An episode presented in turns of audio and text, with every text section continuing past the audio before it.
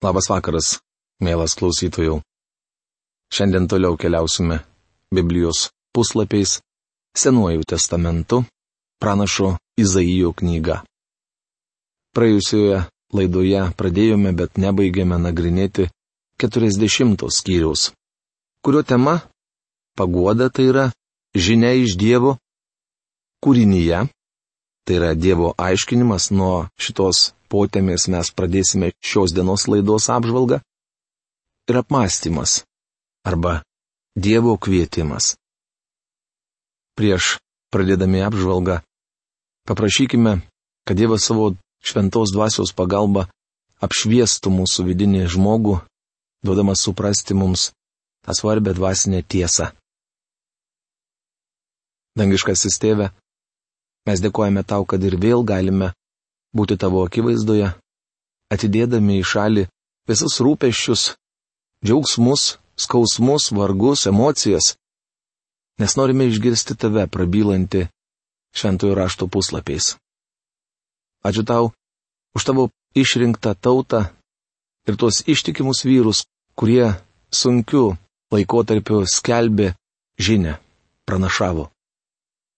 Prašome tavęs pagalbos suprasti to laikmečio įvykius ir pamatyti, kaip visa tai šiandien tinka mūsų gyvenimui. Prašome tavo vedimo šio vakaro žodžio studijoms. Meldžiame Jėzaus vardu. Amen. Taigi, kūrinyje arba Dievo apreiškimas. Dvylikta eilute prasideda pastraipa, kurioje kalbama apie Dievo kaip kurėjo didybę. Kas savo kaušų paseikėjo marių vandenis, kas sprindžių pamatavo dangaus kliautą, kas saiku atseikėjo žemės dulkes, kas svarstyklėmis pasvėrė kalnus ir svertuvų kalvas. Izaijo knygos 40 skyriaus 12 eilutė. Kas tai padarė? Atviroje erdvėje mes negalėtume nieko pasverti, nes patys atsidurtume nesvarumo būsenoje. Tad kas ir kur gali visą tai pasverti? Skaitant šią eilutę man norisi gėdoti, koks didis tu, koks didis tu. Kas gali pasakyti viešpačiui, ką jam daryti, pamokyti jį ar duoti patarimą? Su kuo jis tarėsi, kad žinotų, ką daryti? Kas išmokė jį teisingumo tako ir parodė jam išminties kelią? Izaijo knygos 40 skyriaus 13-14 eilutės. Nėra ne vieno, kuris nors per pus prilygtų Dievui ir kuris galėtų duoti jam patarimą. Kažkas sugalvojo jokingą klausimą, ką esi matęs tu, ko nėra matęs Dievas? Atsakymas labai paprastas. Dievas niekada nėra matęs savo lygaus. Aš savo lygių matau kasdieną. Į ką jums bus panašus Dievas ir kokį jo paveikslą susikursite? Izaijo knygos 40 skyriaus 18 eilutė. Mes su jumis žinome labai mažai, tik tiek, kiek jis apreiškė mums savo žodyje Biblijoje, o ten anaip tol neatskleista viskas. Beje, mes nepajėgus apriepti net to, ką jis yra apreiškęs. Izaijas supriešina Dievą su stabais. Į ką jums bus panašus Dievas? Ir kokį jo paveikslą susikursite? Pažiūrėkite, kokį jį piešia šiuolaikiniai dailininkai. Man asmeniškai nepatinka Jėzaus paveikslai, nes juose pavaizduotas ne Jėzus. Žinau, kad nūdien mūsų šalyje nepopuliaru apie tai kalbėti. Vertelgos pardavinėjantys ikonas bei tariamai šventus paveikslus ir sentimentalų žmonės norėtų mane užčiaupti. Tačiau, bičiuli, mums nereikia Jėzaus paveikslų. Aš pritariu senam škotų filosofui, kuris prieš daugelį metų pasakė, žmonės nepiešė Kristaus paveikslų, kol jo artumas neapleido jų širdžių. Toliau skaitome pirmą ir gana ironišką teiginį, kuriuo pranašas puola stabmeldystę. Įstabų statula, meistro nulieta, auksakalio pauksuota ir sidabro grandinėlėmis apvedžiota. Izaijo knygos 40 skyriaus 19 eilutė. Turtingiai gali pasidirbti labai įmantrų stabą. Jų dievas brangus. Kas nuskurdęs, tas pasirinks nepuvų šilkmedį ir susiras nagingą meistrą, kad pastatytų nedūlų stabą. Izaijo knygos 40 skyriaus 20 eilutė. Vargšo stabas netašytas. Jis išsidrožė savo dievą iš pliauskus. Stabmeldystė - absurdiškas reiškinys. Argi jūs nežinote? Argi negirdėjote? Argi tai jums neskelbta nuo pradžios? Ar jūs nesuprantate? Nuo tada, kai buvo padėti žemės pamatai, Izaijo knygos 40 skyriaus 21 eilutė. Visiškai kvaila lyginti Dievą su kažkokiu nebiliu stabu. Nuo tada, kai buvo padėti žemės pamatai, jis sėdi sostę anapus dangaus kliauto virš žemės, ir jos gyventojai jam atrodo lyg žiogai. Jis dengia žemę dangumi tarsi užuolaida, išskleidžia jį tarsi palapinę gyvenimui. Izaijo knygos 40 skyriaus 22 eilutė. Anot profesoriaus Algirdo Jurieno, šios eilutės pradžią galima versti taip. Jis, kuris sėdi sostė viršum žemės, skritulio. Senajame testamente nemokoma, kad Žemė plokščia. Tačiau dar Kolumbo laikais mokslininkai laikėsi šios teorijos. Anie tariami mokslininkai daug prarado, nes neteikė reikšmės Dievo žodžiui. Manau, nūdienos mokslininkai ignoruodami šventai raštą taip pat daug praranda. Šioje eilutėje aiškiai pasakyta, kad Žemė tai rutulys esantis dar didesnėje visatoje ir kad Dievo sostas yra toliau negu galima užmatyti pro pačius galingiausius teleskopus.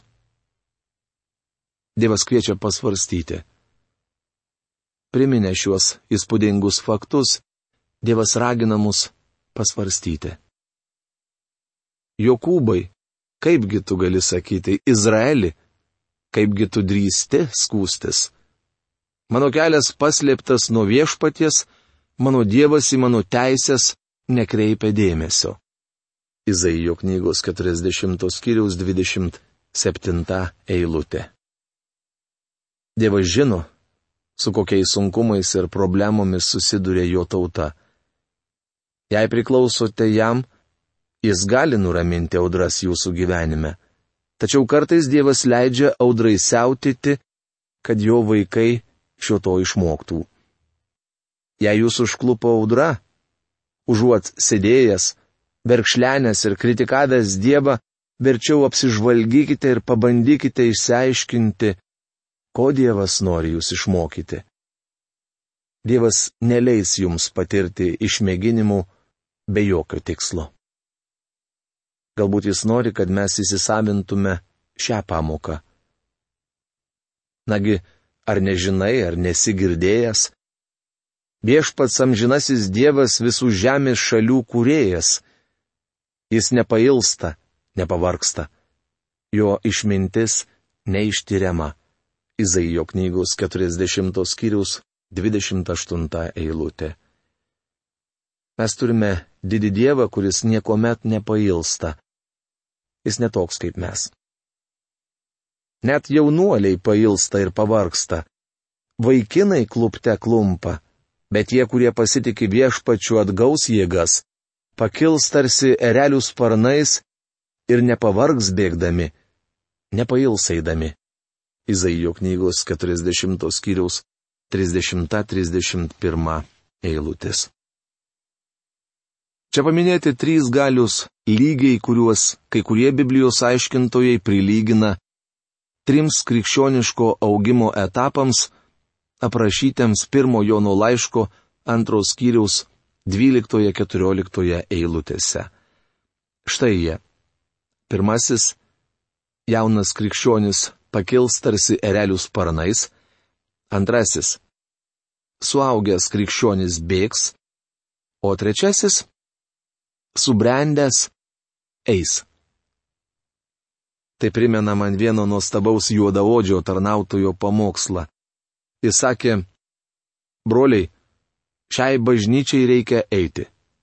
Vienas iš diekonų įsiterpė, amen. Ką reiškia iš tiesų iš tiesų. Pamokslininkas tęsė, broliai, šiai bažnyčiai reikia bėgti. Diekonas ištarė, aleliuja. Galiausiai Dievo žodžio skelbėjas pasakė, broliai, ši bažnyčia turi skristi. Po šių žodžių diakonas tarė, Amen ir Aleliuja. Tačiau mes turime aukoti savo pinigus, kad bažnyčia skristų, pabrėžė pamokslininkas. Diakonas bemat susigrėbė. Ai, brolau, geriau tegu įeina. Bičiuli, Nesvarbu, kas jūs esate. Jei gyvensite žemėje dievotai, tai jums kažką kainuos. Nesvarbu, kokia yra jūsų būklė, Dievas suteiks jums naujų jėgų. Jei jums reikia jėgų eiti, jis duos. Jei stinga jėgų skristi, gausite ir to. Šiame nuostabiame skyriuje atsiskleidžia mūsų Dievo, kūrėjo, gelbėtojo ir globėjo paguoda. Izaijo knygos 41 skyrius. Tema. Dievas yra aukščiausia kiekvieno žmogaus valdžia. Izraelis raginamas pasitikėti Dievu ir iššūkis pagonių dievams. Šiame skyriuje tęsime temą, kurią pradėjome 40-ame. Tai reiškia, kad toliau kalbėsime apie Dievo didybę. Skaitydami šį skyrių aptarsime Dievo elgesį su žmogumi. Taigi Dievo didybė atsiskleidžia ir per kūrinius, taip pat ir žmonijos istorijoje. Šiame skyriuje esama ganėtinai mislingų teiginių. Regis pranašystės kontūrai išlieka, tačiau Izaijas prabyla apie tai, kad Dievas saugos ir ves savo vaikus per pasaulį, kupina žabangų ir pavojų. Tai pagodo žodžiai Dievo vaikams. Dievas yra aukščiausia kiekvieno žmogaus valdžia. Tylėkite tolimosios salos mano akivaizdoje. Laukite mano žodžių tautus. Te ateina ir te pareiškia jūs savo skundą. Drauge rinkimės į teismą. Izaijo knygos 41 skyriaus pirmą eilutę. Pranašas kelbė, kad visų pasaulio gyventojų laukia teismas. Teisme paaiškės, kas yra tamsa, o kas šviesa. Kas tarnavo Dievui, o kas mamonai. Kas buvo daroma iš tikėjimo, o kas iš netikėjimo. Dievas ragina žmonės grėžtis į jį ir priimti jo siūlomą išgelbėjimą. Mielas bičiuli, Dievas nieko iš jūsų nereikalauja, tik prašo priimti jo siūlomą malonę ir išgelbėjimą. Kas išjudino iš rytų kovotoje už teisumą ir pašaukė jį būti savo tarnu? Jis atiduoda jam tautas ir sutrypia jų karalius. Savo kalaviju jis paverčia juos dulkėmis, savo lanku, vėjo nešamais pelais. Izaijo knygos 41 skyriaus antra eilutė. Kai kas mano, kad žodžiai iš rytų kovotoje už teisumą yra užuomina apie Persijos karalių Kyrą. Jis minimas kitame Izaijo knygos skyriuje. Mano nuomonė čia kalbama ne apie asmenį, o apie teisumą. Visiškai įmanoma, kad Izaijas turi omenyje teisumą, kurį žemėje įgyvendins sugrįžęs Kristus. Kiekvienas jų padeda kitiems, kiekvienas drąsina savo bičiulį. Izaijo knygos 41 skyriaus Šešta eilutė. Žinia, kad Dievas ateis ištiesinti kreivų kelių ir panaikinti neteisybės, drąsina teisiuosius. Mažas Dievą tikinti žmogelis gali turėti viltį. Ateitis jo negazdina. Izraelis raginamas pasitikėti Dievu. Šiame skyriuje vėl užsimenama apie stabmeldystę. Meistras skatina auksakalį, svidintojas kalvį prie priekalo. Nulėdinta gerai, sako jis, ir sutvirtinta kniedėmis, kad nesviruotų į šalis. Izaijo knygos 41 skyriaus 7 eilutė. Kritiniais atvejais kai kurie žmonės pasidirbdavo savo dievą laikiną stabą. Tačiau Dievas sako, o tave mano tarnė Izraeli, Jokūbai, mano išrinktasis, mano bičiulio Abraomo palikuoni. Izaijo knygos 41 skyriaus 8 eilutė. Šiais žodžiais Dievas kreipiasi į savo vargstančią tautą ir nori ją paguosti. Jis sako, kodėl užuodit dirbęsi stabus nesigręžite į mane? Dievas žino, kad žmonės yra nusidėjėliai. Jis vis dar vadina savo tautą Jokūbu, o Jokūbas, kaip žinome, buvo sukčius. Tačiau Dievas padarė jį Izraeliu. Šis vardas reiškia kunigaikštis su Dievu. Ta patį jis nori padaryti ir su Jokūbo vaikais. Dievas vadina Abromą savo bičiuliu. Jis nori, kad Izraelis užmėgstų su juo artimus santykius. Nebijok, nes aš su tavimi, nebūkštauk, nes aš tavo Dievas. Stiprinsiu tave, padėsiu tau, remsiu tave savo teisumų dešinę. Izaijo knygos 41 skyriaus 10 eilutė. Šia eilutė godžia ir stiprina įvairaus amžiaus Dievo vaikus. Toliau Izaija sako, kad priešindamiesi Dievui jie padarytų didžiausią kvailystę, nes vieną dieną bet kokia neteisybė bus paminta. Nes aš viešpats tavo Dievas laikau tavo dešinę. Aš, tas, kuris tau sako, nebijok, aš tau padėsiu. Izaijo knygos 41 skyriaus 13 eilutė. Dievas maloningai siūlo Izraeliui pasitikėti juo. Tai didelė pagoda. Jis nori įgalinti mus gyventi su juo, bendrauti su juo ir jį pažinti. Kai kurie žmonės, net bažnyčiose, taip įninka į darbą, kad viso to netenka. Nebijok, kirminė Jokūbai, kirminėlį Izraelį aš tau padėsiu. Tai viešpatie žodis. Tavo atpirkėjas Izraelio šventasis. Izaijo knygos 41 skyriaus 14 eilutė. Galbūt manote, kad jūs kažkuo ypatingas, tačiau esate niekas. Tik ir minėlis. Vienintelis Dievas gali padaryti mus svarbius. Kaip rašė Šekspyras, mažas žmogelis šiame gyvenimo kelyje dažnai klumpa. Jis pukščiai ir šnopuoja kaip senas vilkas, bandantis nupūsti trijų paršelių namelį. Kur žmogus eina ir kokia jam nauda iš viso savo triūso? Kai kurie žmonės, supratę, koks tuščias gyvenimas, nusižudo. O ką jiems daryti? Dievas yra vienintelė viltis. Neatsigręždamas į Dievą žmogus labai daug praranda. Jis netenka Dievo bendrystės, išgelbėjimo gerumo ir malonės. Visą tai suteikiama kiekvienam, kuris į jį atsigręžia. Dievas kalba izraelitams apie tūkstantmetės karalystės materialius palaiminimus. Mums jis norėtų papasakoti apie dvasinius palaiminimus, prieinamus dar šioje žemėje ir tuos, kuriais būsime apipilti amžinybėje. Mielas mūsų laidų klausytojų, o kaipgi yra su jūsų gyvenimu? Ar jūs iš tikrųjų esate atsigręžęs, atsisukęs į Dievą veidų? Jeigu jūs esate atsisukęs į jį veidų, jūs nusigrėžite nuo nuodėmės. Jūs turite bendrystę su Dievu per jo žodį ir per maldą.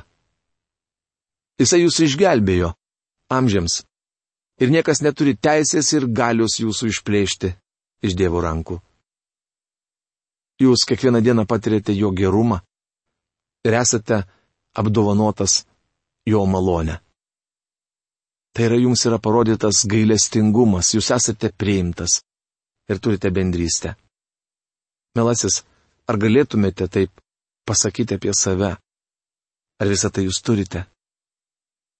Mano malda už jūs, kad jūs gautumėte atsakymą į šį klausimą. Iki greito sustikimo. Судья.